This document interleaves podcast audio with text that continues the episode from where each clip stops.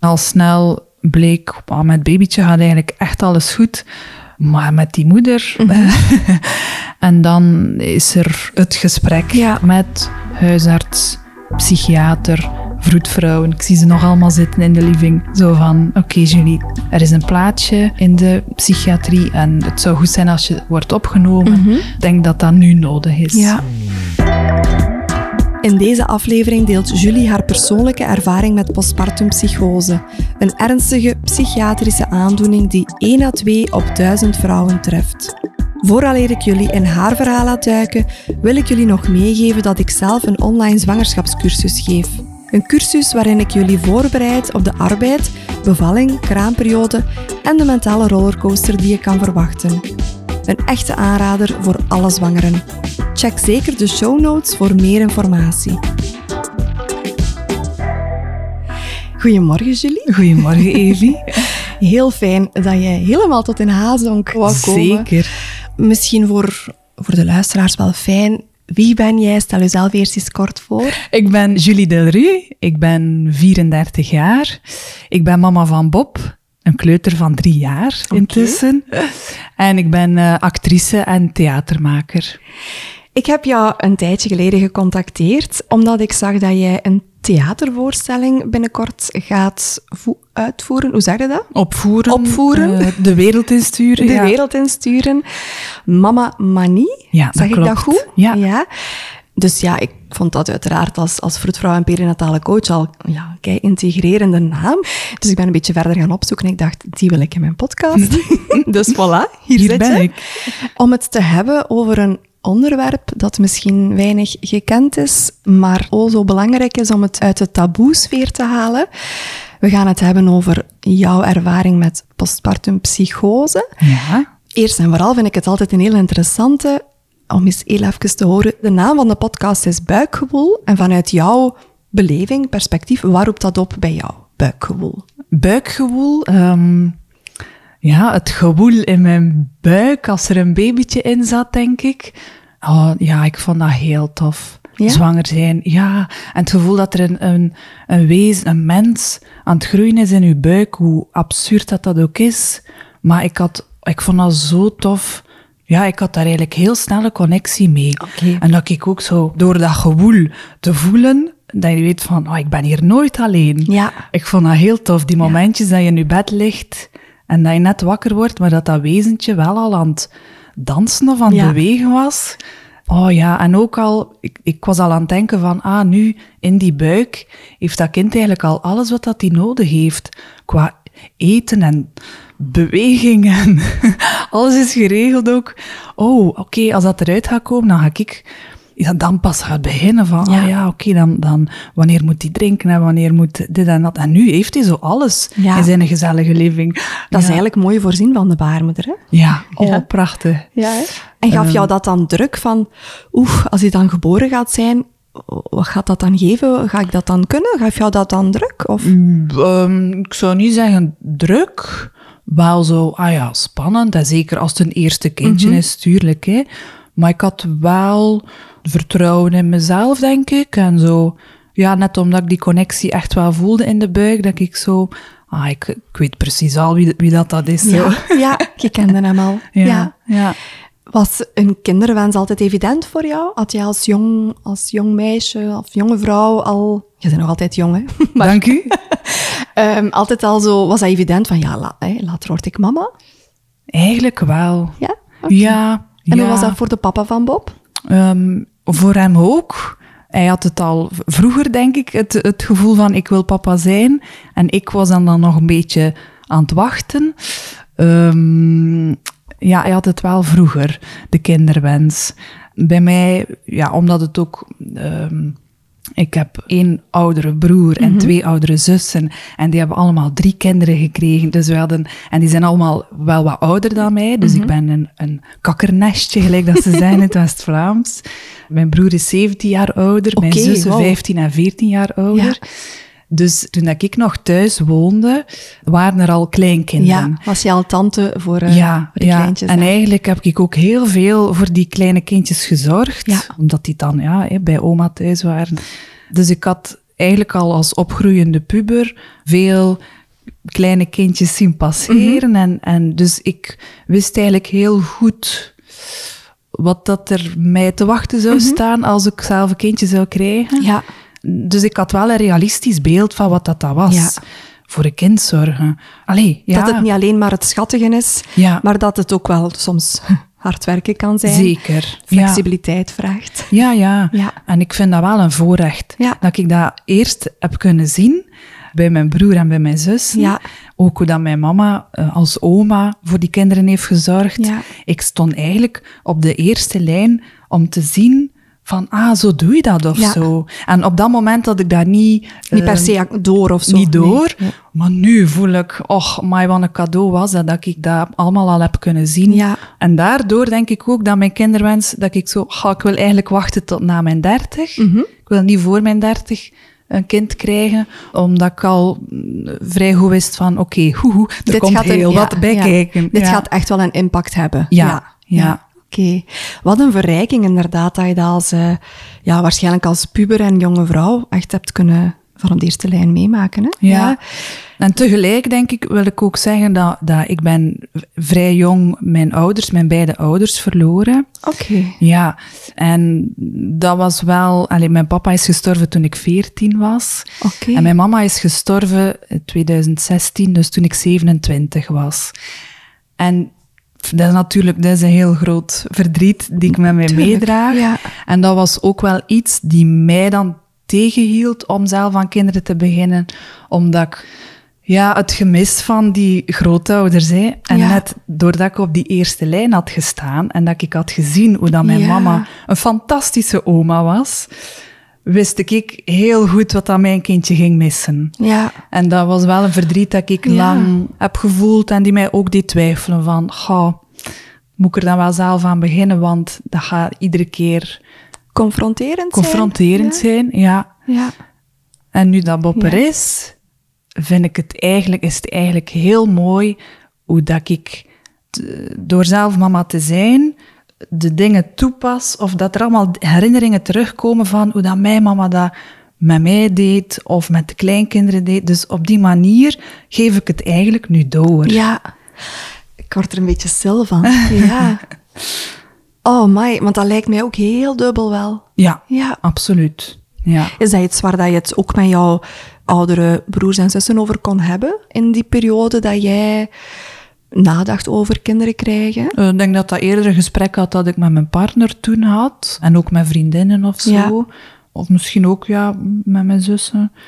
Ja, ja, ja, want nu herinner ik mij ook dat zij zeiden, ja, maar er, er staan nu ook wel heel... Allee, het gaat anders zijn, maar wij zijn er ook. Ja. En die wilden eigenlijk ook een beetje de, de vibe Doorzetten, ja. doorgeven. Ja. En dat voel ik nu ook. Oh. Eh, ja, en ook hun kinderen zijn natuurlijk ook allemaal Ja. weer wat ouder. Dus een leger nichtjes en neefjes. Echt een leger babysits, ongelooflijk. Heerlijk, Ja, ja. die ook heel graag met dat kleutertje Ja. spelen, ja. Oh, dat is ook wel heel mooi. Ja, dus het is, het is anders en er is een gemis natuurlijk.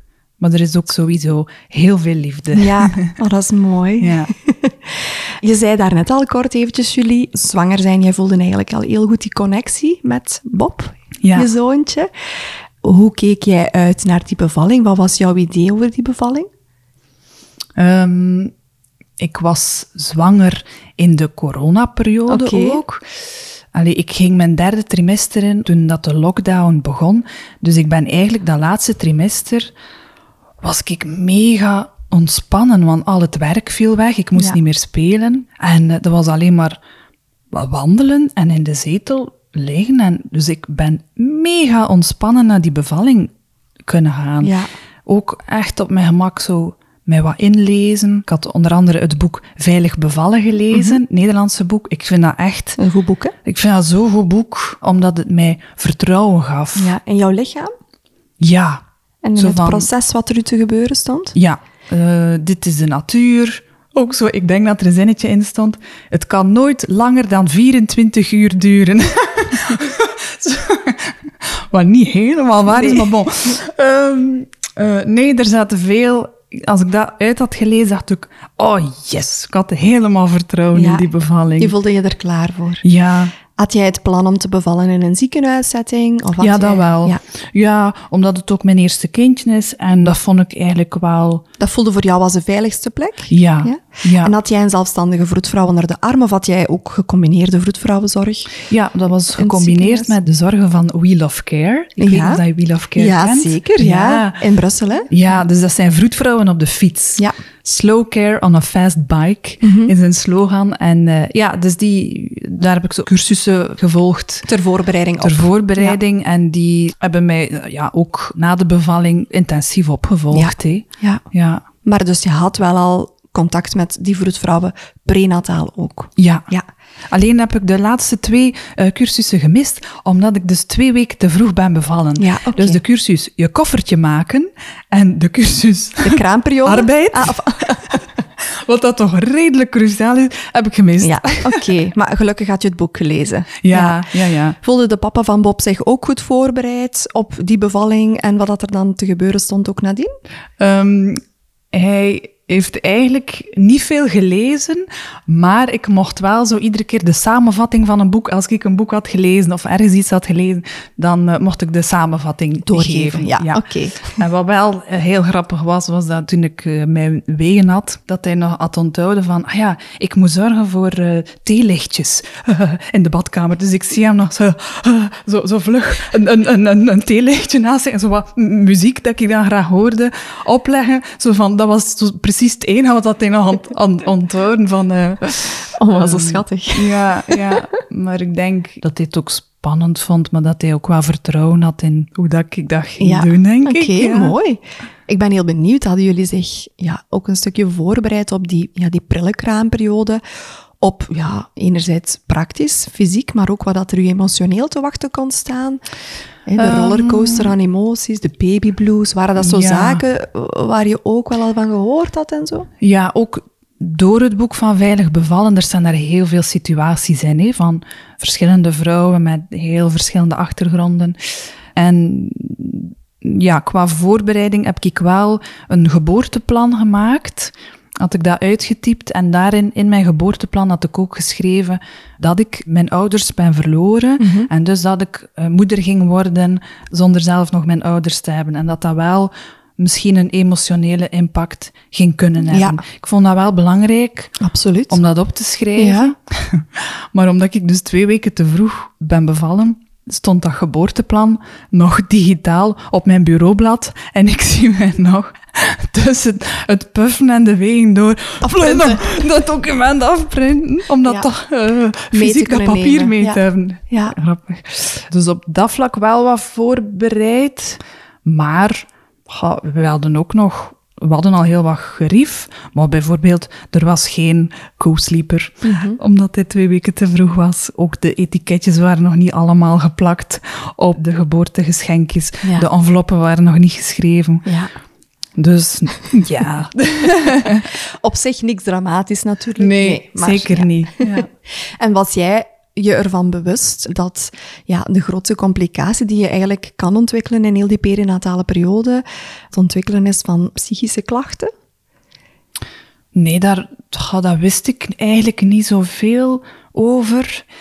Ik, ik weet wel, maar dan spreken we later, toen ik wist dat ik in een postpartum psychose zat en dat ik opgenomen was in de psychiatrie, nu springen we al een beetje verder, herinnerde ik mij heel fel dat er een heel klein alineaatje in dat boek van Veilig Bevallen stond, dat een vrouw in een psychose terecht kan Ja. komen. En dan heb ik dat ook gezegd tegen de papa van Bob van, kan je dat boek gaan halen, want dat staat dat daarin. even- ja, ja. Ik weet dan nog dat dat daarin staat. En je wou even die herkenning teruglezen van, het is dan dat. Ja, Ja. En bijvoorbeeld, eh, want je had al neefjes en nichtjes, allee, via jouw zussen en broers. Had jij bijvoorbeeld bij hen gezien dat het emotioneel lastig kan zijn, ook in die periode, in zwangerschap of postnataal ook bijvoorbeeld? Was er al eens een postpartum depressie of een angststoornis in uw omgeving geweest bij mensen in die periode? Eigenlijk niet. Een psychose Nee. veronderstel ik ook niet. Nee. Want Nee. anders zou je er wellicht op voorhand ook Het is dat. meer over opzoeken. Nee, totaal niet. Ook bij mij geen voorgeschiedenis of eh, Nu, ik denk ook dat ik dus ook wat jong was toen dat mijn eh, zussen zijn bevallen bijvoorbeeld. Zat ik in het middelbaar, hè. Ja. Dus het is ook niet dat zij dat dan per se gaan delen met dat kleine zusje, denk ik. Ehm, Wil je iets meer vertellen over je bevalling eerst? Want je bent dus op 38 weken ja, bevallen ongeveer, hoor ik Ja. wel zeggen. Ben je spontaan eh, in arbeid gegaan? ja dat, ehm, ik had ook door het boek Veilig bevallen, ik kan het nu nog een keer zeggen, Dat is hier reclame. Amai, enorm. ik moet eh, vragen dat die mij sponsoren. Ja. Ehm, had ik wel het gevoel van, wauw, ik wil heel graag natuurlijk bevallen. Want ik wil graag de natuurlijke cocktail Van hormonen, ervaren, van ja. hormonen Ja. en hoe dat, dat lichaam dat gaat doen. Ehm, die natuurlijke pijnstilling. En als ik daarover las, dacht ik, maar wauw, hoe ongelooflijk zit dat in elkaar. En ik wil de natuurlijke cocktail ervaren. Dat was mijn doel. Ja, Maar ik wist ook zeer goed, je weet niet hoe dat een bevalling gaat verlopen. Elk verhaal is anders. En eh, je moet het ook loslaten. je, Nee? hebt, ge- je, hebt geen, allez, je hebt geen controle op het volledige proces. Nee, en daar was ik ja. ook wel van. Kijk, Ja. het liefst natuurlijk, dat ik ook in mijn geboorteplan Mhm. geschreven. Maar bon, als er medische ingrepen nodig zijn, communiceer dat goed met Ja. mij. Maar, maar dan ga ik er ook mee akkoord, uit, uiteraard. Hè. En mijn bevalling, eh, ik had niet door dat ik weeën had. Oké. Dus ik dacht dat dat buikkrampen waren. Ja. Dat was begonnen ergens s'nachts. En ik had al wat buikkrampen gehad in de week daarvoor. Ik noemde dat buikkrampen. Eh, Gaan voorwegen dat gaan geweest zijn, voorwegen ja. geweest zijn. Maar ik was ervan overtuigd dat dat, dat, dat buikkrampen waren. Mhm. En ehm, ik ben toen ook, ik heb dat helemaal zelf opgevangen. En dan dacht ik, goh, ik ga naar beneden en ik ga zo wat posities zoeken om om te kunnen gaan met die buikkrampen. Tjoe, toch, ik heb er zeker iets misgegeven. echt totaal niet doorhebben dat dat, maar echt niet. Dat het taal Ehm, wel al eens kon zijn. Nee, nee, raar. En de papa van Bob? Ah, wel, dus s morgens om zeven uur komt hij naar beneden en hij ziet daar een vrouw op de zetel liggend. Ik had mijn been op de leuning gelegd. Dus eigenlijk alsof dat je zo half op die zetel ligt. En ik was een beetje rare geluiden aan het maken. Zo... "Huh, huh." en die moest eigenlijk vertrekken naar zijn werk. En die zei... ehm gaat "Zeg hij maar, ik doen." denk niet dat ik kan vertrekken als ik u zo zie liggen. Ik zo, jawel. En dan heb ik zelfs nog gezegd, jawel, het is echt nog niet begonnen. Want onze vroedvrouw Flora had gezegd, Ja. als je denkt dat het begonnen is, dan is het nog niet begonnen. Zo van, goh, vrouwen komen vaak dan Ja. te snel naar, naar het ziekenhuis of zo. Dus, dus dat zat zo'n beetje in mijn, in mijn hoofd. Als je denkt dat het begonnen is, dan, is het nog niet ja. begonnen. Dus ik, ik bleef dan maar zeggen ook van, nee, nee, nee. En ga ik straks wel een keer bellen naar Flora, dat ze misschien een keer kan komen om te kijken of dat ik al ontsluiting heb. Misschien, maar dat is echt nog niet echt. Ga maar, ga maar. Maar ik zat echt al... Ja, als ik hoor lage geluiden, gekke posities, allee, Ja. dan word je al heel hard aan toe wat je lichaam je aangaf op dat moment. Ja, En wat dat, dat koppetje nodig had hè, van je bekken. ja, Om ja. goed, eh, Dus dan, dan zei hij, nee, maar ik ga niet vertrekken. Hij heeft dan gebeld ook, maar het was haar voicemail. En ik, ik weet nog dat zo, ja, ehm, Julie is opgestaan met wat buikkrampen. En, en dat ik in de achtergrond zei, oh ja, nu ook weer. En ja, het is wel, dus de, de krampen komen wel regelmatig. Eh, ja, nu ook weer. Dat was echt al heel snel. En dan ook zo, moeten wij vertrekken naar het ziekenhuis of niet? maar dat was op de voicemail Op de allemaal. voicemail. en dan had ik beslist om in bad te gaan, Mhm. omdat ik dat ook had gelezen, van dat kan kalmeren. Ben ik in bad gegaan en eigenlijk in bad zijn die weeën, wauw, Ja. wauw, nog sterker Even voor de luisteraars. Hè. Ja. Dat geef ik ook heel vaak als tip, zeker bij een eerste kindje. Wanneer je het zo niet goed weet van, is dit het nu al of niet? Ga in de douche of ga in bad. Merk je in de douche of in bad van, goh, dan wordt hier eigenlijk rustiger. Er komt weer terug meer tijd tussen. Het deint wat uit. Dan is het inderdaad wellicht nog echt die eerste fase. Wat niet wil zeggen dat het wel rap kan veranderen, maar dan kan dat soms ook zijn dat dat maar een paar dagen later gaat zijn. Merkte jij in een douche of in bad van, oeh, het wordt hier heftiger, korter op elkaar, dat zet hem hier volop door, dan zijn we wellicht in actieve arbeid. En dan is het vaak wel de moment om de voor het vrouw te bellen of naar het ziekenhuis te gaan, of wat dan ook uw plan is. Ja, Dat was dus bij u. Ja, dat was echt... Duidelijk. Wow, dat was ongelooflijk. Die kracht die uit dat lichaam kwam. En had je toen je in bad lag het gevoel van, oké, het zal dan misschien nu toch wel echt begonnen zijn? want ik ben toen niet lang in bad gebleven. Toen heb ik gezegd, oké, nu moeten wij vertrekken, want anders raak ik er gewoon niet meer. Ja, kijk. Ehm, want dan hing ik al aan de douchestang ook, hoor, om, eh, om het echt op te Op te vangen, ja, ja. En dan ben ik uit bad gestapt en is mijn water gebroken. Dus met het afdrogen kwam er weer een verse Je lading werd dan water. toch bezig. Ja. en dan denk ik dat ik eigenlijk persweeën begon te krijgen, want dan... Al thuis in de badkamer. Ja, ik kon echt niet tegenhouden. Maar mijn valies was ook nog niet gemaakt. Dus het valies, wel de kleertjes van Bob lagen wel al klaar, maar van mij niet. Dus dan moest ik tussen twee wegen, dan denk ik zo... "Huh, Twee washandjes, een handdoek en met een pyjama. Zo, en dan... echt zo. Maar zo heel helder van, Ja. dat is wat dan nog nodig is. Nog super hard in de praktische modus op Ja. de momenten dat het, eh, Ja. op die paar seconden tussen de weeën door. Ja. En dan eh, zijn wij, eh, moest ik nog in die auto geraken, ook echt aan de trapleuning gehangen, aan de, de chambrangs noemen wij dat, dus de, de rand van de, de deurlijsten. Heu, in de gang, heu, maar echt hangen. En ik voelde ook in de auto van, ik ga mezelf hier een beetje optrekken, Ja. dat ik niet op dat hoofdje zit. Omdat je echt het gevoel had, hij zou wel eens Dat het- kunnen ja, en dan worden. ik ook heel tijd in de auto, beetje wachten, Bobbytje, beetje Oh. wachten, we zijn er bijna. Klein beetje wachten, Bobbytje, we zijn er bijna. Zo. Oh. En Dus- hoe lang was dat rijden? Ehm, we zijn heel snel door een paar Sons Uniekjes gereden in Brussel. dus we waren erop, denk vijf of tien minuten. Ja, maar gelukkig dan ook, want Ja. met persweeën in de auto, allez, sowieso met contracties in de auto is al niet aangenaam. Nee, Laat staan als je al op dat laatste punt zit. Hè? ja. Dus ik ben binnengegaan met 10 centimeter. ik mocht direct naar de verloskamer. En ik mocht direct beginnen persen. En die waren ook zo... Die vroedvrouw zei ook... Amai, mevrouw, u hebt al het werk al thuis Ja. gedaan. En ik zei het, maar welk werk? Ik was echt... Hè? En vooral... Ik denk wat mij tegenhield om te geloven dat hij op die dag geen geboren worden was, dat het op 28 juni was. En dat is de verjaardag van mijn mama. Oh. Ja, twee weken te vroeg.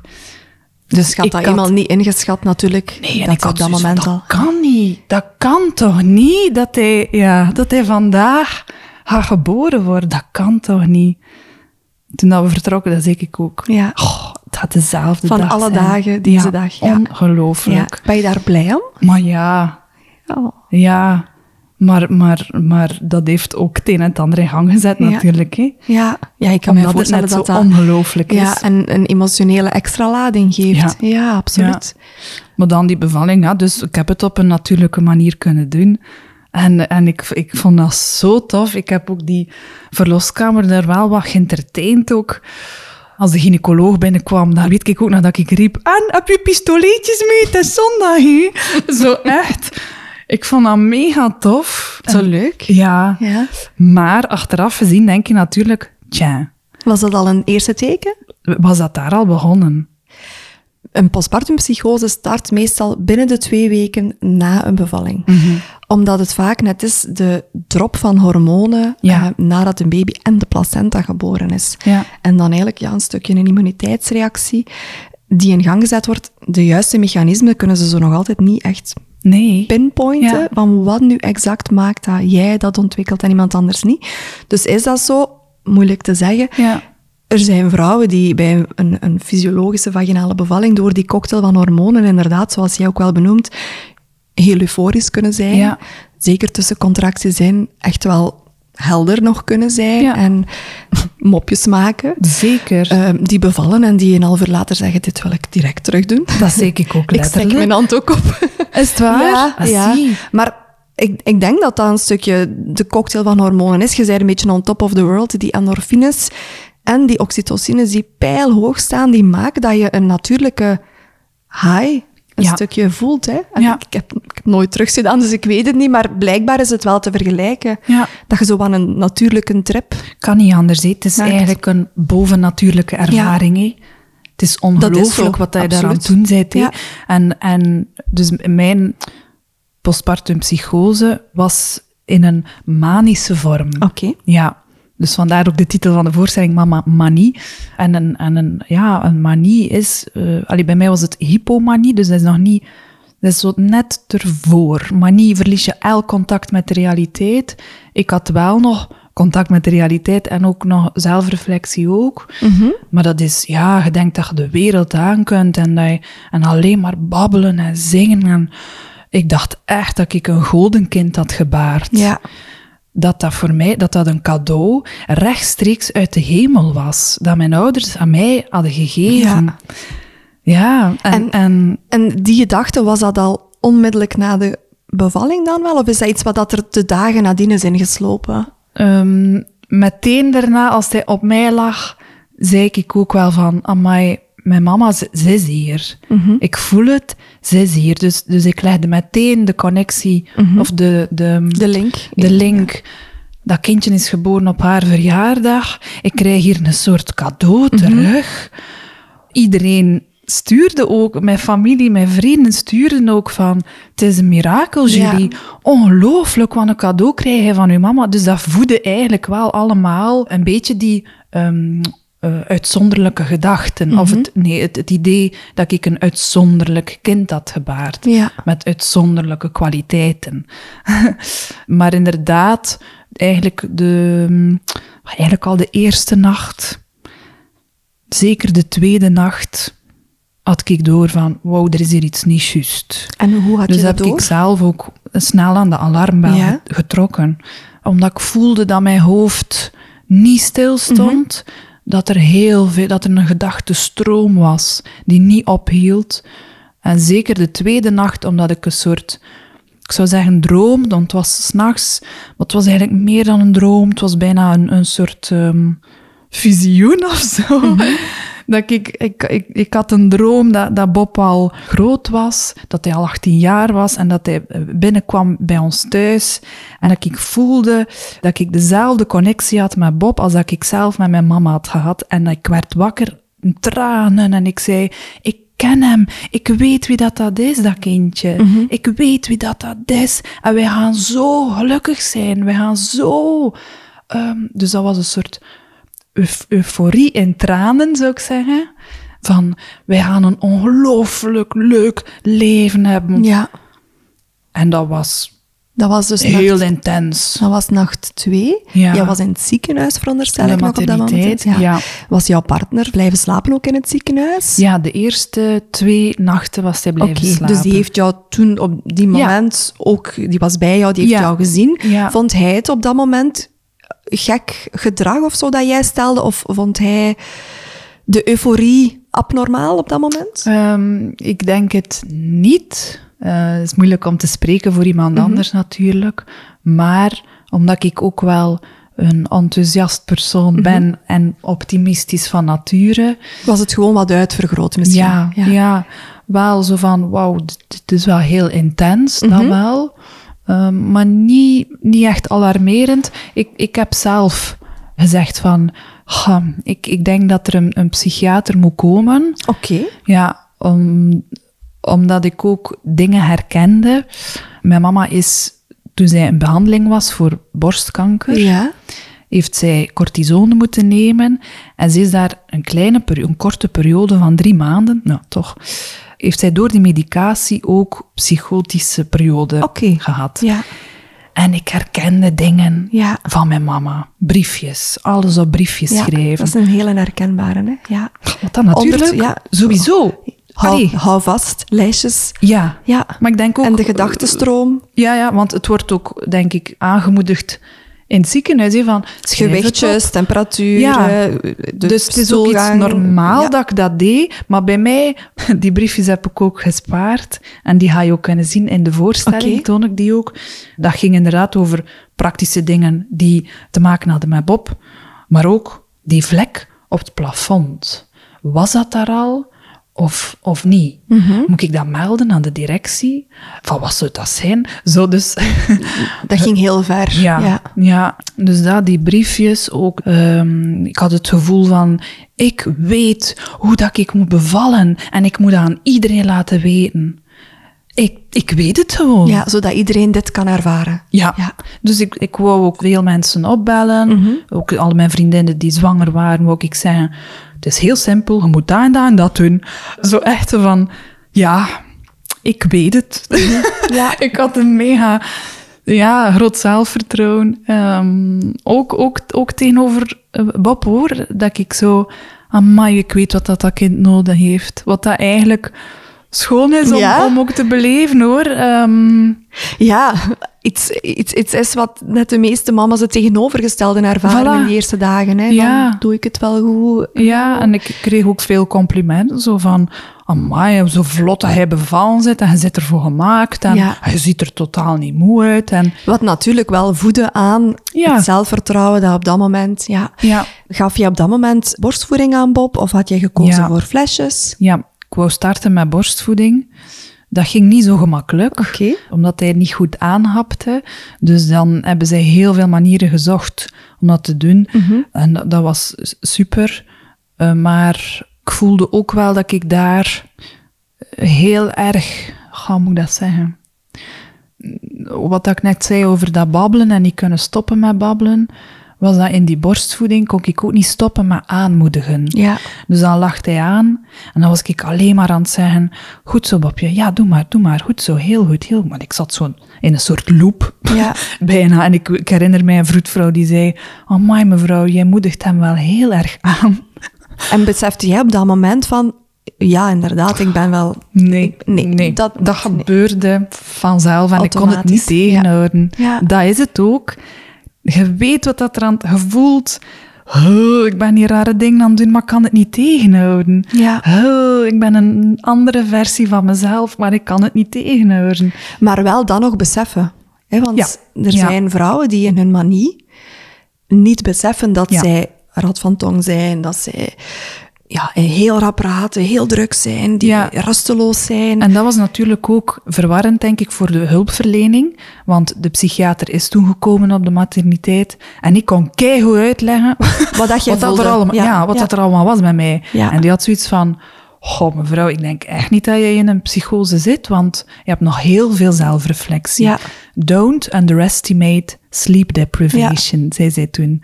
Slaaptekort niet onderschatten. Mhm. Ga naar huis en slaap een keer goed. Dus die hebben mij gewoon naar huis gestuurd. Ja. ja.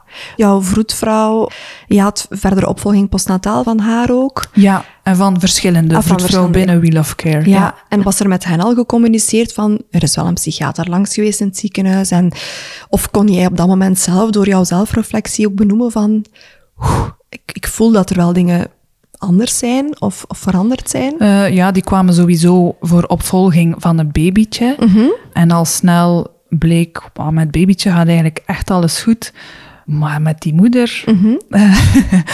en ga, ja, ehm, dus ik denk dat het een beetje een combinatie was van ik die het aangaf, maar net omdat ik dan de antwoord had gekregen van die psychiater, was dat voor mij zo, ah oké, dus er is niets aan de hand. Oké. Ah, oké. Haha, geruststelling. Ja, het was niet dat jij voelde van, ah, ik word hier nu niet geloofd. Nee, nee, ik dacht, ah ja, het is juist. Ik heb het mij wat ingebeeld. Ja. Eh, ik moet wat slapen. Ja. En eigenlijk vanaf dat ik dan thuis was, heb ik heel veel chance dat het mijn omgeving was die goed en adequaat heeft Ja, gereageerd. want dat is superbelangrijk. Ongelooflijk Ja. belangrijk. En Ja. eh, die hebben echt heel gezien van... Ja, het is de enthousiaste Julie, maar het is, het is nog een Het tikkeltje. is een paar slagjes meer. Ja, ja. ja. Dus de papa van Bob heeft toen met de vroedvrouw, denk ik, ook wel overlegd van... Oef, Wat bezorgdheden geuit. bezorgdheid. Ja, ja, Tot het... eh, ik ben denk ik een week thuis geweest. Mhm. En toen... De borstvoeding is ook beginnen stoppen. Mhm. Ik denk dat dat was omdat mijn lichaam wilde wel slapen, maar mijn geest niet. Mhm. Die geest bleef maar verder gaan. En dan zeiden zij wel van, Julie, kruip maar in je bed, probeer maar wat te slapen. Ik sliep vijf minuten en dan werd ik, klaar wakker. "Oh, heerlijk geslapen. Ja. Hup, en weer verder. En dit is een heel, alleen voor de luisteraars, een heel typisch Mhm. signaal. Hè? Sowieso, slaaptekort is, is heel normaal in die prille kraamperiode, of langer ook. Maar als het eigenlijk niet aan uw baby gerelateerd is, maar vooral uw eigen hoofd, is dat uw wakker houdt.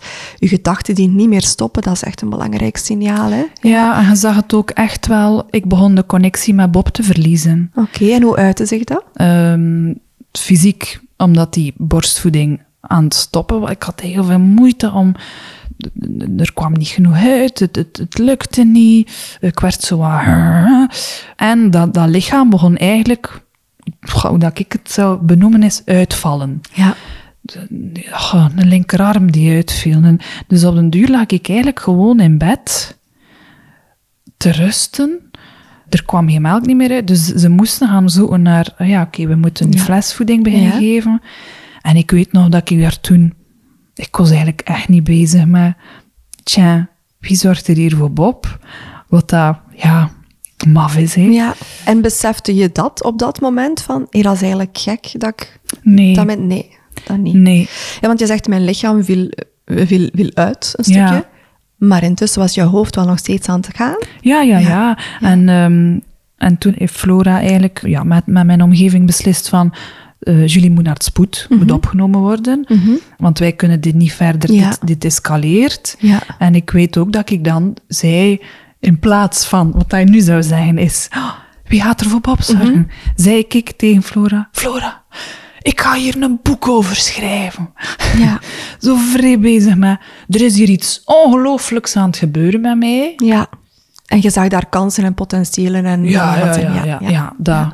Ehm, Was je op dat moment ook bang? nee, Oké.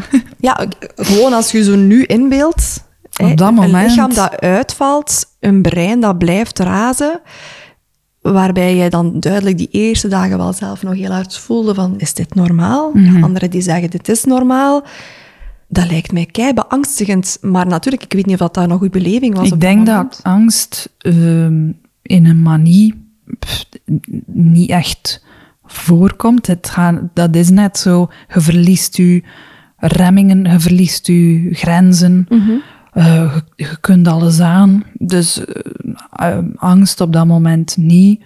Maar ik denk dat voor mijn omgeving wel, hé. Goh, wat is er aan het gebeuren? En, en zeker ook voor, voor de papa van Bob, zo van... Wauw, er is hier een pasgeboren kindje, nee, die zorg nodig heeft.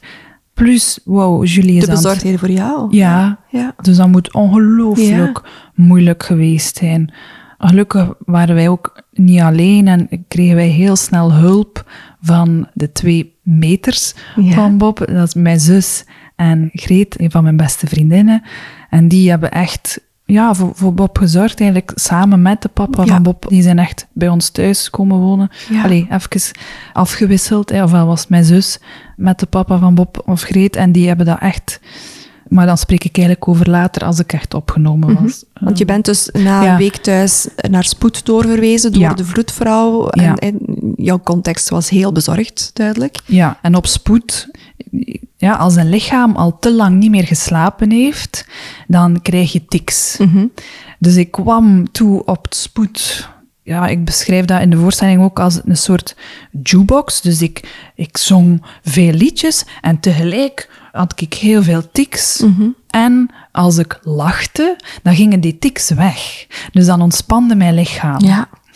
En mijn zus had dat bijvoorbeeld snel door en dan, dan deed hij zo grappige dingen, zodanig dat ik kon lachen en dan mijn lichaam ontspannen. Ja, wauw. Zo'n schone ding, Ja. ja. Ehm, en, ehm, en toen hebben zij eh, mij medicatie gegeven om de nacht heel goed te slapen. Oké.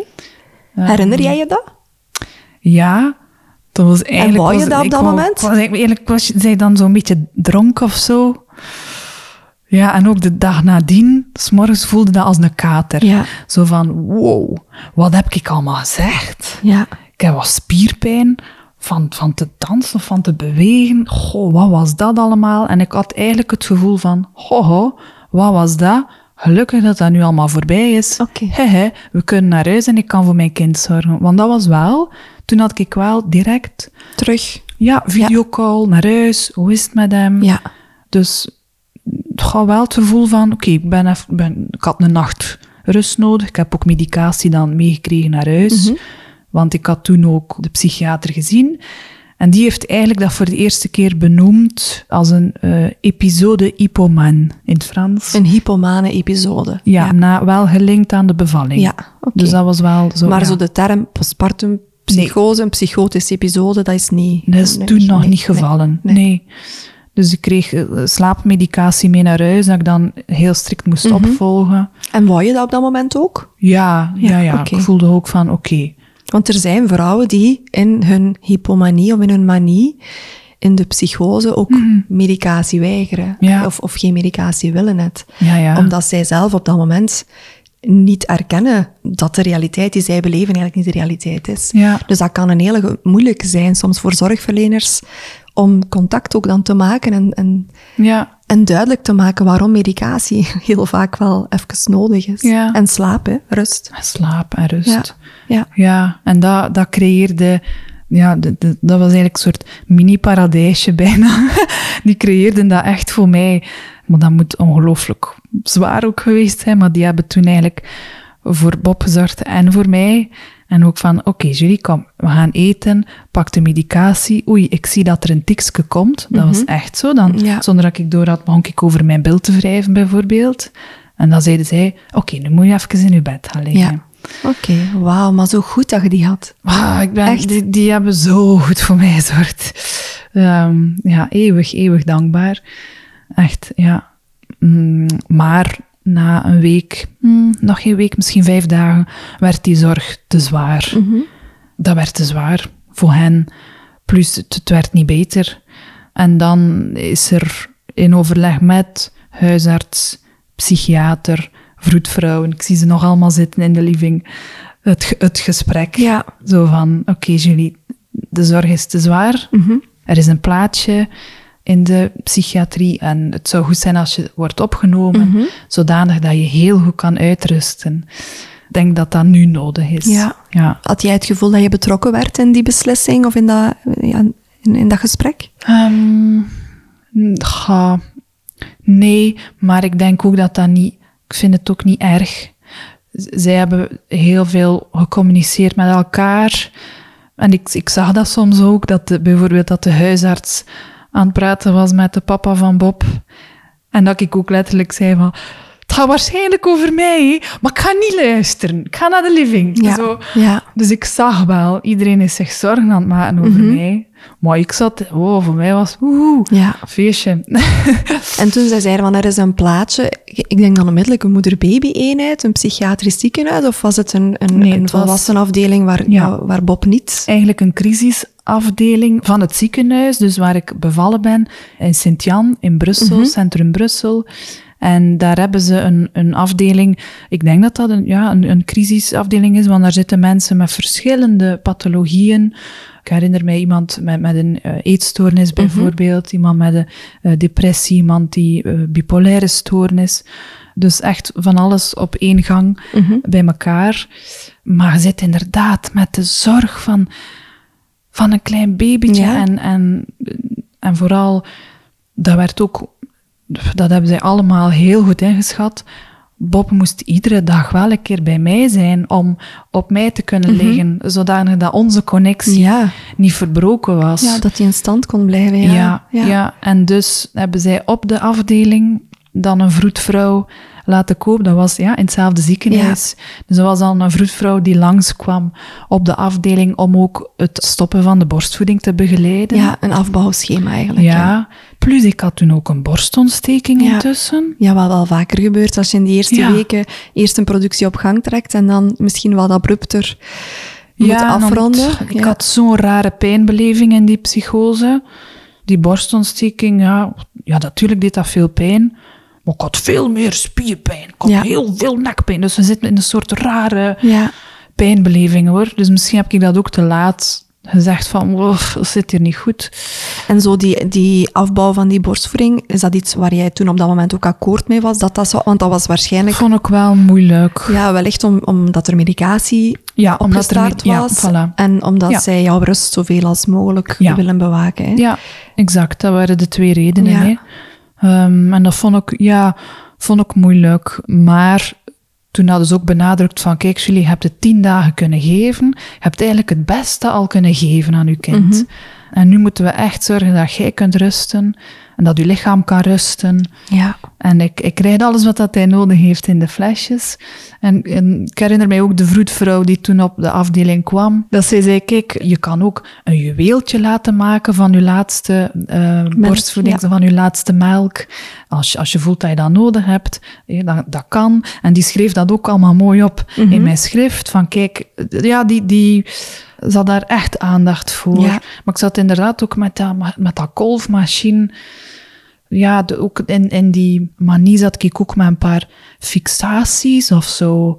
Ik wou bijvoorbeeld dat mijn flesje water de hele tijd vol was.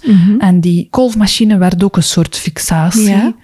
Dus dat hebben ze ook op een gegeven moment moeten afnemen van mij. En dan, dan zeg ik, oh, dat is hier precies een gevangenis. maar eigenlijk vind ik iedereen in elke lijn dat ik ben tegengekomen in die zorgverlening, die hebben dat allemaal zo goed gedaan. En zo goed gekeken naar mijn noden, de noden van het kindje.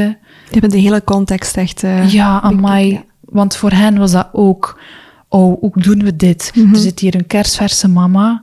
Hoe- ja, hoe gaan we dit organiseren?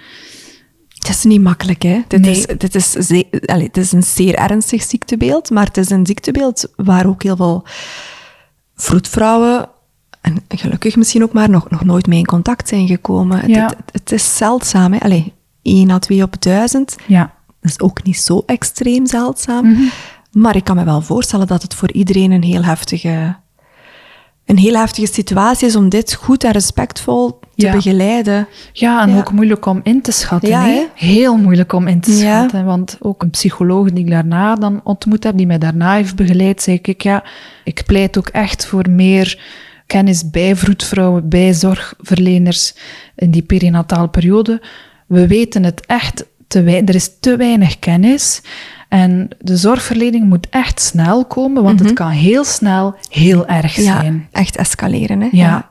En dat is zo het, het moeilijke Ja, aan die... eh, aan die psychose. Hè? Ja. dat is het. Hè? En ik, ben, ik heb het geluk gehad dat mijn omgeving en de professionele zorgverlening dat heel goed hebben gedaan. En dat ik, uiteindelijk ben ik twintig dagen opgenomen geweest. Er was iedere dag iemand die op bezoek kwam met hem. Ook al had ik het geduld niet om een flesje te geven, was ik heel onrustig. Maar ik heb hem wel elke dag gezien. En na een maand was ik terug thuis. Ja. En ik kwam thuis en ze legden hem op mijn borst. En hij viel direct in slaap. En dat was echt precies alsof dat ik nooit was weg geweest. Dus gelukkig bij mij dat dat maar een maand heeft geduurd. Tuurlijk, daarna... ja, er is een nazindering. Hè? Dat kan niet anders. Hè? Ja. ehm, Ik, ik ben benieuwd, hè, want Bob mocht, kon niet bij jou overnachten in het ziekenhuis, omdat het geen moeder-baby-afdeling was. Ik heb Ja. een aflevering opgenomen met Klaas Bouters. Aflevering, ik weet het niet uit mijn hoofd, ik ga eens rap kijken. Maar dat is wel een interessante. Dat is de coördinator van de moeder-baby-afdeling in Amai. Caris Sint-Nijs-Westrum. Ja. Omdat het ook in, in, in dit ziektebeeld, ja, idealiter blijven mama en baby ja, en partner samen. ik kon wel echt in die periode... Ik kon niet meer voor mijn kindje zorgen. Hè. Maar dat is het vaak op dat Ja. moment. Maar allee, Klaas vertelde dat ook heel mooi. Ik ben hier dus even aan het kijken. En het is aflevering 12. Oké, ga ik zeker ook een keer beluisteren. Ja, luistertip. Er zijn uiteraard kinderverzorgsters op die afdeling ook. De babytjes worden s'nachts, zijn die niet op dezelfde kamer als de mama. Ja. Maar doorheen de dag wordt er ook therapie gegeven met kindje bij, om net die connectie ook mee te stimuleren en te behouden. Muziektherapie, speltherapie, omdat het net zo'n precaire periode is. En Ja. gelukkig heb jij mensen in jouw omgeving gehad die dat belang daar ook van inzagen en die Bob wel elke dag gebracht hebben. Dat is, dat is goud, hè? Ja. ja want Want er was ook sprake inderdaad van, want omdat dat een crisisafdeling is, blijven mensen daar gemiddeld pak drie, drie weken of zo. En dan kijken ze eigenlijk uit naar, oké, wat is de volgende oplossing? Kan iemand begeleid worden of naar, naar een instelling? Of waar kan die verder begeleid? Maar je kunt daar niet blijven. Nee. Hè? En bij mij werd er inderdaad ook gekeken van, kunnen we moeder-kindafdeling contacteren? Maar er zijn zo weinig plaatsen. wachtlijsten. Er zijn wachtlijsten. Plus op dat moment had je alleen maar Gent en Zoersel. Intussen, exact op de gang waar dat ik heb gezeten. Ja. Dus in Sint-Jan in Brussel hebben ze het laatste stuk hebben ze een moeder-kind-eenheid van gemaakt. Echt? Ja. Oké. Dus in Brussel is er nu ook een... Voilà. Ja. Vers van de pers. Ik wist Ja. het ook niet. Ja. Oh, goed. Ja, want er, er is veel meer Dus nood. toen waren er al plannen, maar, en Ja. die zijn heel erg, oh, we Maar gaan het hier doen, maar, maar ja, je zei te vroeg, het is er nog niet. En zeker bij, bij psychose kan je ook niet wachten. Hè? Is Ja. het ziektebeeld te acuut om Ja. weken op een wachtlijst te staan? Hè? Er moet gehandeld worden ja, voor het escaleert naar suicidaliteit of eh, Ja. donkere gedachten richting, richting een kindje toe. een heel uitzonderlijke... ja, dat heb ik ook gelezen dan achteraf, Ja. dat het ook die richting uit kan Ja. gaan. Is, hè? Dat het, of dat, ik had ook ergens gelezen een vrouw die in die psychose dacht dat ze de volgende Hitler had Mhm. gebaard. En dus, wow, dat kind, moet, ja, dat kind moet weg. Bij mij was het gelukkig tussen aanhalingstekens aan de positieve kant van de slinger, maar ja, Volgens wat ik, ik heb al heel veel podcasts intussen ook beluisterd van vrouwen die postpartum psychose doormaakten. En er zijn vrouwen die weken, maanden soms rondlopen met die hypomane status die jij zo wat benoemt. En die dus langs de kant nog wel heel goed beseffen van, oef, soms is mijn realiteit wel wat, hm, hè, is, dat, is dat nog wel oké of niet?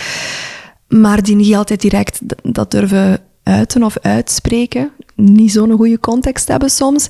Waardoor het kan escaleren Ja. naar ja, echt stemmen om horen. In eerste instantie stemmen die misschien nog wel positieve boodschappen of wat dan ook. Maar dat kan wel omslaan inderdaad hè, naar, naar jezelf als mama. Of naar jouw kindje toe. ja, Ja. ja. dat moet echt verschrikkelijk zijn. Ja. ja, ik was gisteren nog eens aan het opzoeken naar cijfers. En 4 tot 5 procent van de vrouwen met postpartum psychose ja, kan leiden tot suïcide of infanticide. En Dat is schrijnend. En dat zijn die verhalen die je dan wel hoort in de media van... Mama heeft dit haar kind aangedaan, maar... Wat zit er allemaal Ja, achter, hè? Ja, Ja, ja. Ja. en, en, en Er wordt zo die weinig over medicatie gesproken is, ook. is, is echt noodzakelijk. En dat was enerzijds medicatie, slaapmedicatie. Ja, dus dan- om mij tot rust te, brengen en om dat lichaam tot rust te brengen. En antipsychotica. En antipsychotica, ja. Ehm, Ja. En, en ja, de, die medicatie is ook iets.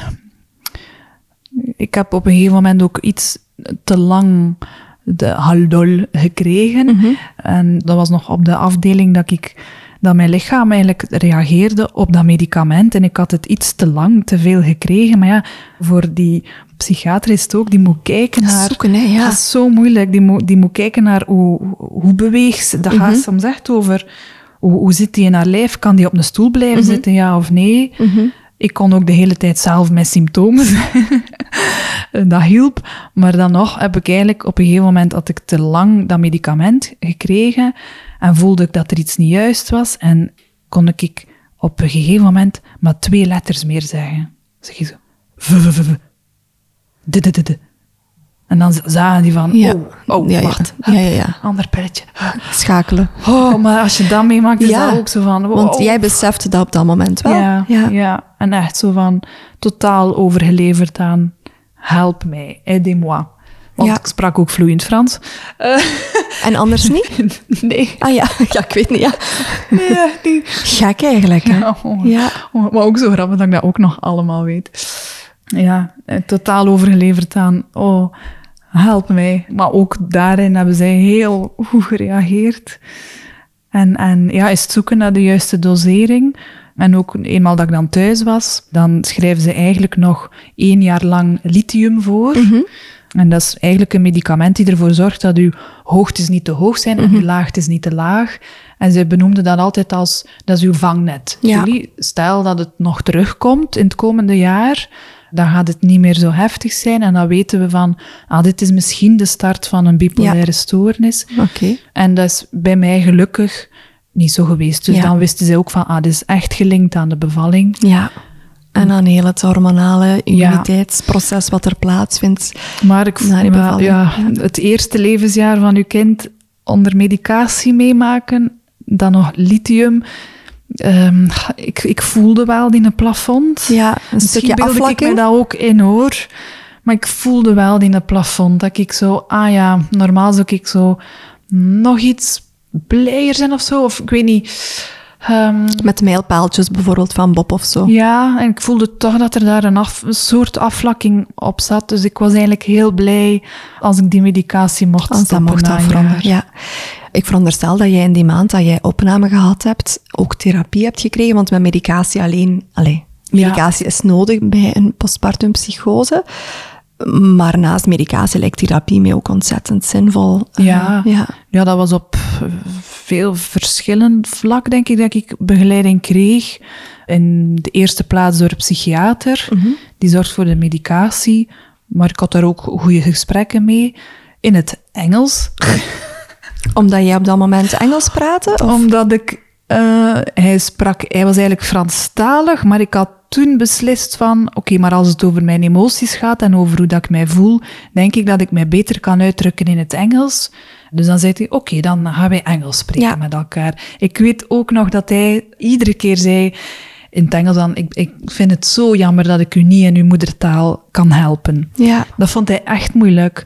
Dus dan werd er een psychiatrisch verpleegkundige, een West-Vlaamse zelfs, soms bij dat gesprek gezet. Dat ze zei van, zeg het maar tegen mij en dan ga ik het vertalen. Echt zo van, je moet u kunnen uitdrukken in uw moedertaal. Ja. ja. Oh, maar wauw. Ja. Ja.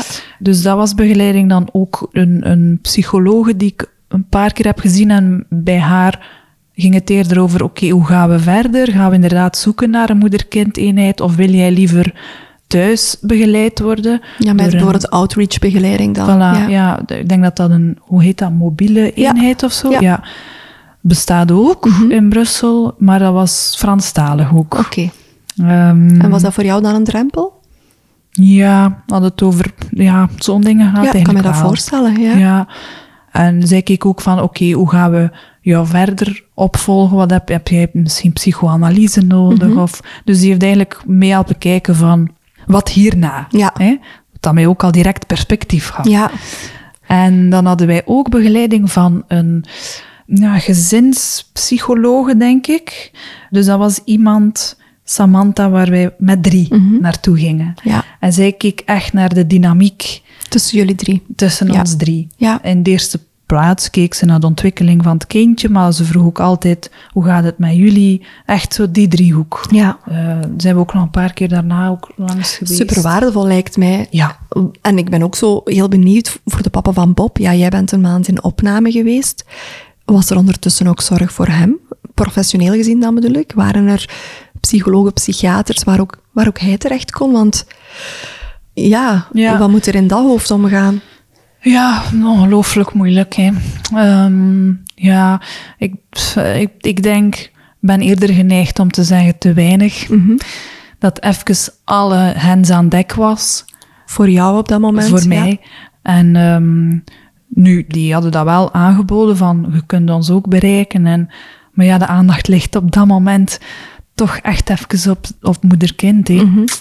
Ja, dat zou eigenlijk, zou dat, zou dat ook nog meer aandacht mogen verdienen, denk ik hoor. Ja, absoluut. Want dat lijkt mij ontzettend traumatiserend voor een partner ook. Ja, ja, denk ik ook. Ja. Ja. Is dat iets waar dat jullie het nadien, als jij beter was, het ook over konden hebben? Ja, ehm, dat is moeilijk geweest. Ik denk dat dat, ja, logisch is. Want ik moet ook ehm, het vertrouwen terugwinnen. En dat was een hele moeilijke. Ja, je zit toch terug aan het zoeken van wie ben ik? Wie was ik? Wie was ik hiervoor?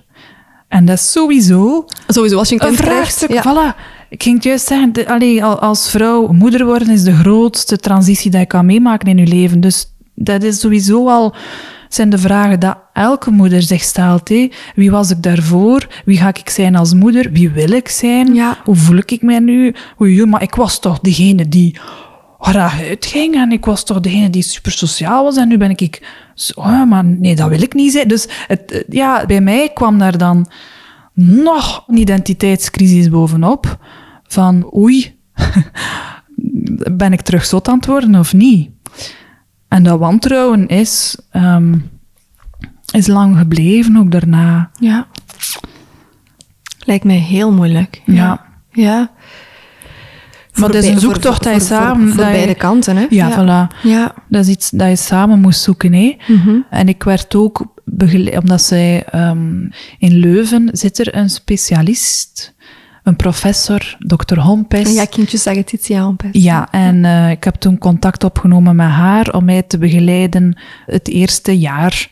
Dus zij begeleiden moeders eigenlijk, mm -hmm. totdat uw kind één jaar is. Mm -hmm. En zij zei ook, ja, dit is echt een klassieke postpartum psychose in het verloop hoe dat, dat is gegaan.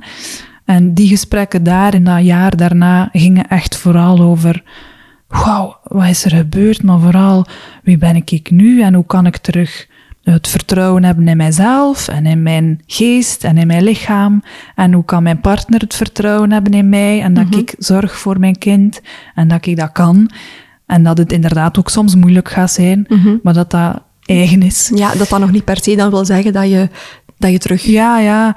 En, en het is allemaal vanuit een hele grote bezorgdheid, hè, dat die partner mm -hmm. naar u kijkt.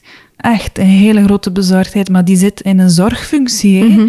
Dus die bekijkt ook alles vanuit, ja... Misschien wat argwanend of zo? Ja, hey, ja. Uh, pakt ze de medicatie? Zie ik terug symptomen? Als ik bijvoorbeeld een keer luid aan het lachen was met iets op de televisie, was dat soms wel dat ik keek van oei, is terug ja. begonnen. Waardoor dat jij misschien voelde dat er af en toe wat onbewust een rem zit op... Ja. ja of dat je zo met een vergrootglas wat bekeken wordt ja. in je ja, eigen huis door, ja, door je partner, hè? Ja, misschien. En dan, ja. en dus dat vergrootglas is ook iets dat je bij jezelf doet, hè?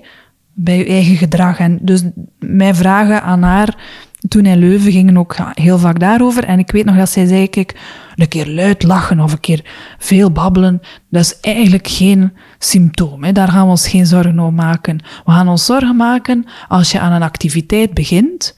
Dus ze zegt bijvoorbeeld, ik ga soep maken, begin je wortels te snijden, en dan pak je je auto en ga weg. En je doet van allerlei andere dingen en je maakt die soep niet af. Ja, oké. Okay. Dat is eigenlijk, daarop mag je partner letten, op zo'n dingen. Ja. Dan kan je zeggen van, oei, misschien is dat... En aan de andere kant denk ik... Zo was ik sowieso al. Of ja, ah, ja, maar ja. ik ging juist zeggen... Ja, toch, voor heel veel niet, mensen Niet in mijn toch... auto stappen, maar zowel, ik ga aan de soep beginnen, ah, ik ga naar was en zie ik, ah, voilà. ik zie boven dit liggen. Allee, ja. Ja, dus ik had... okay. ja, maar ja, hey, dus ik had een soort hyperfocus op, ik moet hier al mijn activiteiten afmaken. dat ik dan ook dacht, dat ben ik eigenlijk ook niet. Ja, ja. Oh, dus het is, het is oh, een maar hele grote... zo een zoektocht. Ja, ja. Ja. ja, maar ik ben wel blij dat dat, dat is wel gelukt. En ik denk ook, een keer dat ik de goedkeuring had om met die medicatie te stoppen, was dat een soort go van, hè, hè het is gepasseerd, ja. het is oké, okay, ik ben ook wat zot van mijn eigen. Allee, ik, ik wou ook, dat zei ik soms ook van, maar ik ben ook een beetje zot. Hé. Ik heb ook een beroep waarin dat wij, wij werken in, net in dat plafondje, mm -hmm. weet wel, mm -hmm. waarin dat wij soms ja, voor extreme emoties moeten ja. spelen. Dus, um... Was het voor jou moeilijk om ook te weten van oké, okay, dat eerste jaar willen ze mij nu preventief onder die medicatie zetten, want stel dat er een bipolaire stoornis ja, aan het ontwikkelen is. Wat wil dat zeggen? Was dat iets waar dat jij toen ook mee bezig was? Ja, um, ja, enerzijds had ik het vertrouwen zo van, ik heb geen voorgeschiedenis. Dus ik had ergens wel al het idee van, oké, okay, er is hier een Big Bang gebeurd in mijn hoofd. Mm -hmm. En ik vind dit eigenlijk heel normaal. Want ik ben mama geworden terwijl ik zelf geen ouders niet meer had. Daar zit veel verdriet, daar zit waarschijnlijk dingen die gewoon nog niet verwerkt ja, waren. Trauma. En ik had die, ja, en ik had die psychose nodig om daar door te geraken. Maar ja, natuurlijk, ja, stel dat het een bipolaire stoornis zou geworden zijn, oké, okay, dan is dat een nieuwe realiteit en dan gaan we daarmee om. Dus ja, ik weet ook wel dat ze zeiden, je moet ook rekening houden, once you go high, you go low. En dat is ja, puur, dat de depressie kan volgen. Ja, uw ja. lichaam. Uw lichaam is echt woehoe, door het lint gegaan en dat gaat de fysieke, gaat aan de fysieke weerbots van voelen. En ik dacht, oh nee, dat ook nog. Ja. ik ben nu juist een beetje, haha. En ik vind zelf dat dat, dat viel mee. Oké. Okay. Achteraf gezien denk ik, ah ja, oké, okay, dan najaar heb ik inderdaad wel wat veel geweend of had ik veel angsten over oh, oh, ga ik ooit nog terug kunnen spelen? Ik weet dat ik daar vreemd mee in zat. Ja. Ga ik nog werk hebben ooit? Je kunt je dat bijna niet inbeelden. Dat je zo, ga ik terug professioneel ja. kunnen, zijn wie dat ik was. En dus ja, maar ik ben niet super diep gegaan. Dus ik denk eigenlijk ja, dat een bevestiging was van dit was gelinkt aan de bevalling. Ja. Dit was gelinkt aan wat dat er klaar lag. Er lag het een en het ander klaar. Ja, dat een stukje bound to happen was. Ja. Ja. Ja. En eigenlijk, ja, god, het is niet raar dat dat gebeurd is. Die Big Bang. Ik had ook een Nederlandse documentaire gezien over psychose. En daarin zeggen ze, soms gebeuren er dingen die groter zijn dan je hoofd. En dan, om dat te kunnen verwerken, heb je soms een psychose nodig Ja, om eens te resetten of zo. om te resetten. Ja. Of een andere vergelijking was, ja, het is een beetje zoals een ontsteking. Het is lelijk, maar je hebt het wel nodig om te genezen. Ja. En dat vond ik ook wel troostende gedachtes, om dat zo te zien van, oké, dat is een periode geweest die moeilijk was, Mhm. maar die onvermijdelijk was. Ik had het nodig om, om, om nu te zijn wie dat ik ben, Ja. en om nu de mama te zijn dat ik nu ben. Ja, sowieso ook wel een belangrijk iets om, ja, dat jij wel weet, maar voor de luisteraars ook, je, je kan hier niks aan doen. Hè. Je, Nee. je had dit ook niet kunnen voorkomen of voorzien. Hè. Nee. Dat is een hele belangrijke. Hè. Ja, ja, ja. Er treft jou geen schuld. Hè. Ja, ja, want dat voel je wel. Als ik dan terug thuis was, had ik zo wel wat schuld en schaamte tegenover mijn omgeving zo, en mijn familie van, ah, jullie hebben mij nu zo moeten zien. Mhm. Dat moet heel moeilijk geweest zijn voor jullie. Plus, maar ik heb jullie wel een beetje in plan gelaten, nee. Ja, ik wou liever armbandjes maken en collages maken dan voor mijn kind zorgen. Hè. Ja. Dat is, dat is een moeilijke om toe te geven. Dus dat zorgde wel wat voor schaamte. Maar ik heb toen ook vrij snel daarna EMDR-therapie gevolgd. Net om die periode een plaats te kunnen geven. En dat heeft Voor jou, superveel ja. voor mij gedaan. Oké, wauw. Ja, want dat, oh my, dat is wel snel daarna. Want EMDR legt eigenlijk een nieuwe link in je Ja. hersenen. Ja, je maakt nieuwe verbindingen. Hè. Ja. Dus het is wel heftig. Het is echt heftig. Want je gaat echt Je naar gaat het, erdoor, hè. wow, Ja. naar het diepste, diepste punt. En dan daar maken ze een nieuwe verbinding. Maar ik voel wel dat dat voor mij heel veel deugd heeft gedaan. Ja. En dat het er ook voor heeft gemaakt dat ik er nu ook over kan praten en dat ik er een voorstelling over kan Ja, maken. ja, want het is gek om te bedenken. Het is nog maar drie jaar geleden. Mhm. Wat in EMDR inderdaad, of de opzet van EMDR, is dat het de lading, eh, de gebeurtenissen zijn wat ze zijn. Maar dat het inderdaad, die, die lading, dat dat er wat af is of zo. En hoe Ja. dat jij er nu naar, naartoe kijkt. Ja. Ehm, het is knap om te zien dat jij drie jaar later van zoiets heel intens, toch ook wel heel verdrietig, Mhm. ja, zoiets goed in de wereld aan het zetten bent. Ik moet wel zeggen dat ik tijdens mijn psychose ook al bezig was met mijn voorstelling. Echt waar? Ja, ik wou dat vragen. Want als jij zelf... Jij was al inderdaad actrice. Ik kan Ja, me ja, voorstellen ja. dat in zo'n in, in manische of in hypomanische toestand... Tuurlijk. Dat je op dat moment creatieve brein Ah kansen die, ziet. Ja, ja, al die luikjes gingen open. Dus ik was ook al in mijn kamertje aan mijn voorstelling aan het werken. En eh, mijn, echt mijn overgangen aan het oefenen. Wauw, oké. Het was al heel concreet. Ja, ja, ja. En zo ook van... eh, Wauw, en dan, ik ga die en die en die vragen. Ik had beelden van hoe dat, dat er moest uitzien. Ik had ook al wat, wat teksten in mijn hoofd. Ik had een speellijst van dat moet de muziek zijn. Want muziek was ook heel belangrijk in die periode voor mij. En ja, dat is ook wel grappig om daar nu aan terug te denken van... Wat voor voorstelling zou dat Ja, want ik was nu benieuwd. Heeft het, heb je er veel van kunnen gebruiken nu voor de voorstelling die effectief voor de deur staat? Eh, ja, ik heb daar wel zo wat dingen uitgeschreven. Zo van, ah ja, hoe, hoe ging die scène er dan uitzien? Of Ja. ik had al een eindscène bedacht. En dat was ook een van de schrijfopdrachten van, van Wouter. Wouter de Pre is degene Mhm. die mij nu coacht en regisseert en die de voorstelling samen met mij maakt. Zo van, schrijf dan een keer uit die scène dat hij toen had bedacht. Mhm. Dus dat zijn hele leuke schrijfopdrachten om terug te gaan in die fantasie. En om het nu ook wat aan te dikken. Ja. Want dat is ook leuk hè, dat ik het nu ook wat kan fictionaliseren.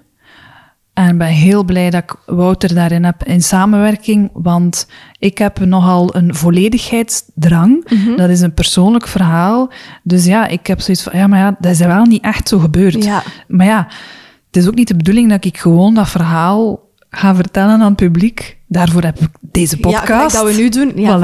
voilà. Want, want het is een theatershow. Het is dus een theatervoorstelling, Ja. dus, dat, dus dat moest wel nog een vertaalslag Ja. hebben. Nee, ehm, hoe maak je daar theater van? Hoe maak je daar scènes van? Ja. Scène-ingangen. En ja, Wouter is daar super goed in. Ook om van, ja, ja, kom, we gaan dat een beetje meer uitvergroten. Of gebruik maar uw fantasie, Mhm. schrijf maar. Want in de kern blijft het wel dat gevoel dat hij toen had. Ja. Dus het is eigenlijk zo tof dat ik op een creatieve manier Kan met heel die periode ja. kan omgaan. Ja, wauw. Misschien ook een stukje verwerking? Tuurlijk, ja. En ook dat ik dat nu samen met die mannen, want Benjamin de Smet is de muzikant Ja. die live muziek gaat maken op, op scène. Dus we staan met twee op scène. En ehm, ja, dat ik ook heel dat verhaal met die mannen kan delen. En we hebben al zoveel gelachen ook, maar ook al samen geweend. Ja, kan me voorstellen. Ja, heel, heel intens, maar zo schoon dat je dat kunt Ja. samen doen. En daar een, ja, iets creatief van maken. Hè. En dat, goh, Ik hoop dat het helend kan zijn. eh. ja, ja, en eigenlijk wens ik dat eh, veel vrouwen toe. Die, want ik geloof dat er creativiteit in elke vrouw zit. En ook al denk je van jezelf van, goh, ik ben helemaal niet zo creatief. Ik denk echt wel dat iedereen een manier kan vinden om om te gaan met wat dat er gebeurd is. Of al is dat schilderen, tekenen. Bij mij is dat, zijn dat woorden, is Ja. dat een voorstelling. Maar misschien is Dansen dat dans, ja, beweging. ja. Echt waar, daar een creatieve vertaling van maken is zo helend en dat doet zo'n Therapeutisch, deugd. hè? Ja. Ja, ja. wauw. De voorstelling gaat eind van deze maand in première. We zijn nu 6 september, denk ik. 30 september. Ja, Is het spannend. Ik wou je ook heel graag spreken voor ik de voorstelling had gezien. Net omdat ik er wat onwetend in jouw verhaal wou kunnen duiken. Maar ik ben nu wel heel benieuwd ook om... eh, Je gaat om toch wat dingen herkennen, denk ik, in de voorstelling. hoor. Ja, ehm, waar ik wel nog benieuwd naar ben, dat is dan misschien ook een stukje vanuit mijn rol als voor het vrouw- en perinatale coach. Ja, na die opname en, en nadat de realiteit wat terug meer binnenkomt, hoe was het voor jou om, om, om mama te zijn van Bob en om, om, om wel te beseffen van, "Oh, verdorie, dit is gebeurd. We zijn ook een maand niet fulltime kunnen samen zijn. Hier is misschien wel wat herstel mogelijk of moet ik hier iets inhalen? Hoe was dat voor jou?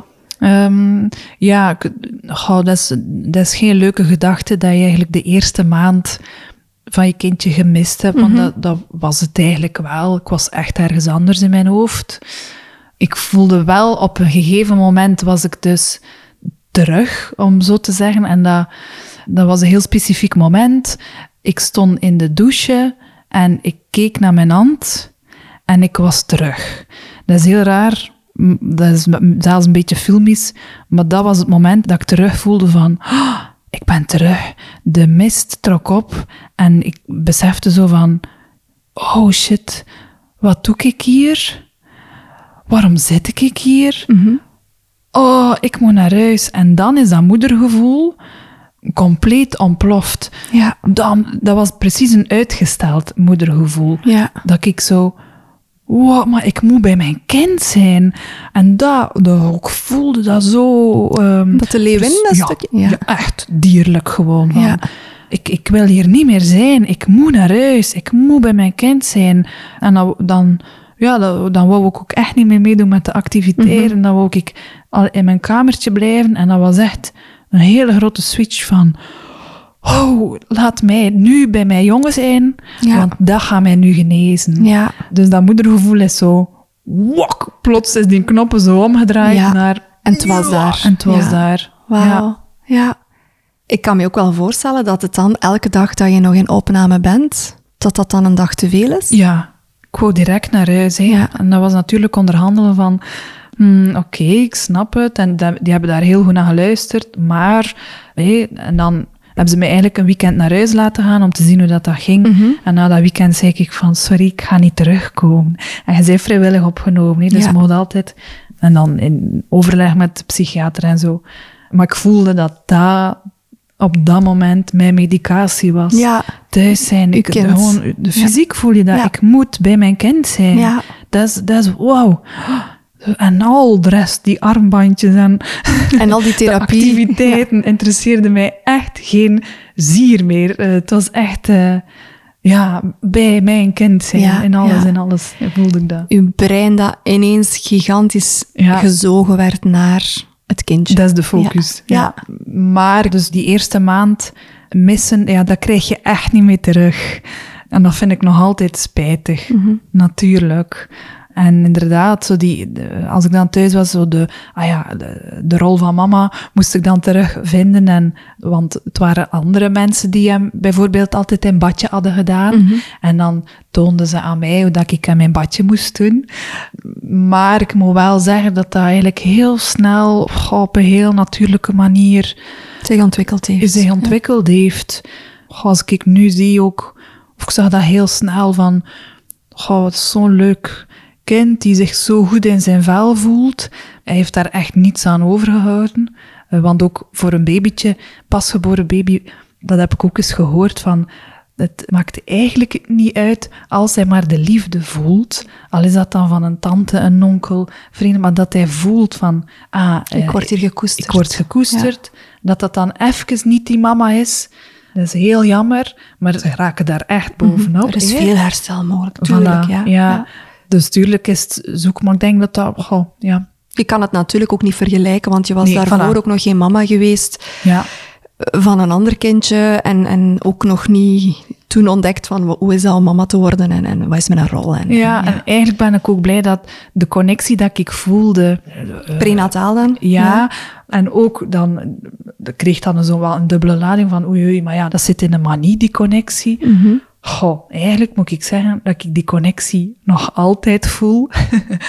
dat ik mij mega verbonden voel met mijn kind en, en, Dat is toch kei mooi. en dat dat Ja. mooi is. Ja. Ja. dat dat niet een symptoom is geworden van dat is raar. Of, of eh, ga nee, dat is gebleven en ik vind dat nog altijd een kind met uitzonderlijke kwaliteiten. Ja, voilà. dus en ik denk wel dat ik dat gewoon mag zeggen. Allee, Tuurlijk. ja. Tuurlijk. Absoluut. We zijn zo aan het einde aan het komen van de aflevering. Is er zo nog iets waar jij zegt, Julie, van... Dat vind ik echt nog super belangrijk om wel mee te geven aan de luisteraars. Ja, ik, ik, ehm, ik heb zelf zoveel geluk gehad met de hulp dat ik kreeg van mijn naasten. En wat dat ik soms zie, is dat vrouwen het moeilijk vinden om hulp te vragen of om hulp te aanvaarden. En ik vind echt, oh, je hoeft dit echt niet alleen te doen. Maar je moet het wel uitspreken. Je moet wel zeggen van, ik denk dat ik hulp nodig heb.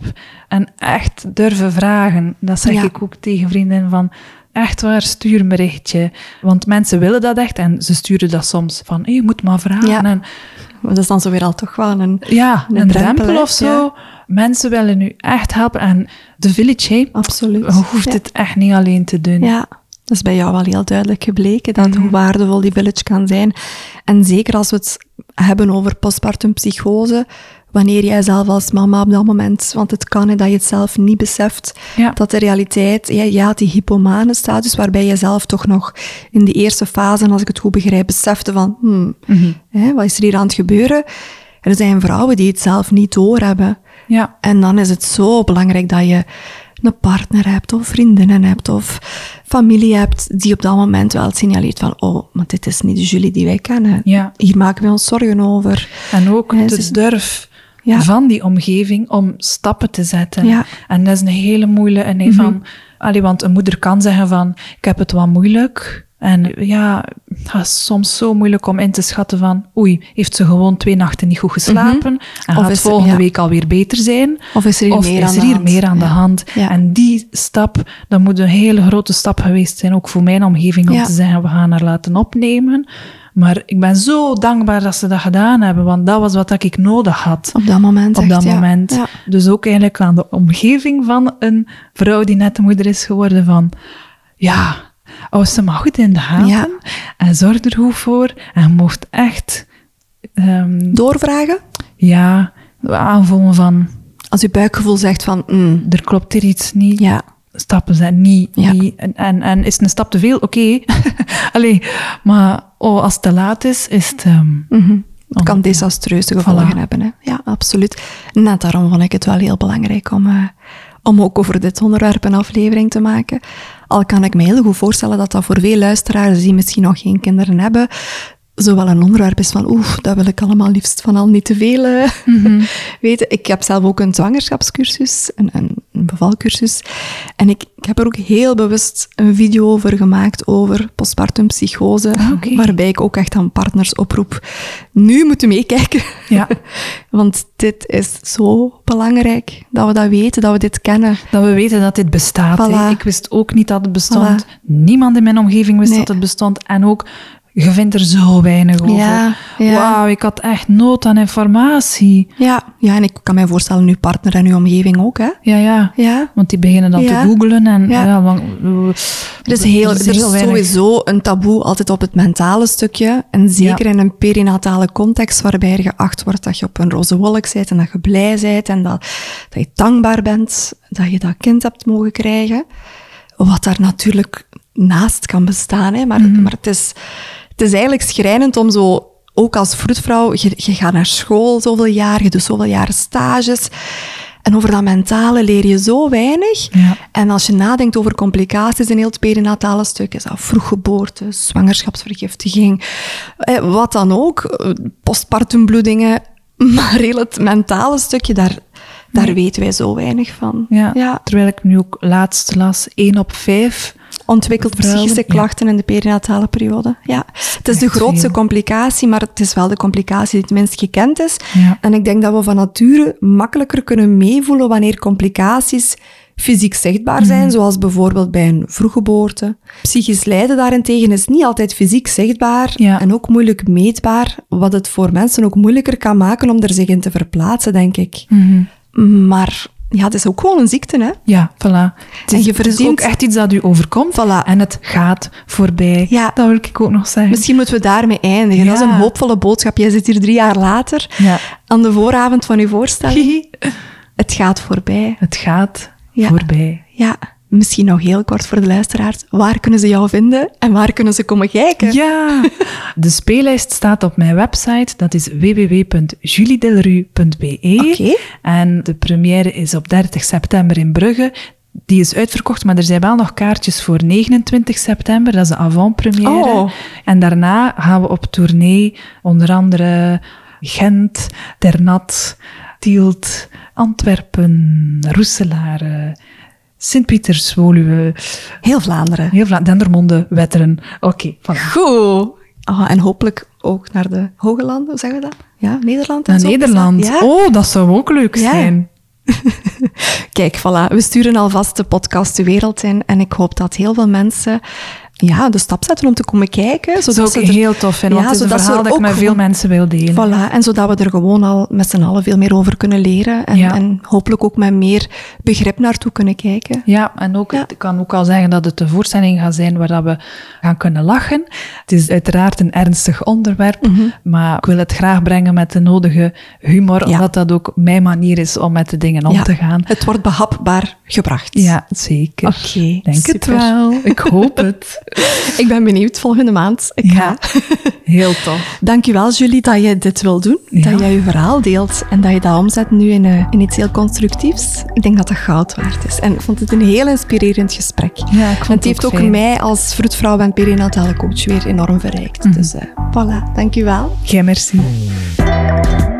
Dankjewel om te luisteren naar dit kwetsbare verhaal van Julie.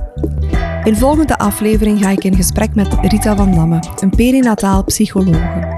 In die aflevering gaan we dieper in op postpartumpsychose en andere psychische klachten die je kan ontwikkelen in de perinatale periode. Ik wil jullie graag nog meegeven dat ik in mijn online geboortecursus een volledige module wijd aan het mentale luik.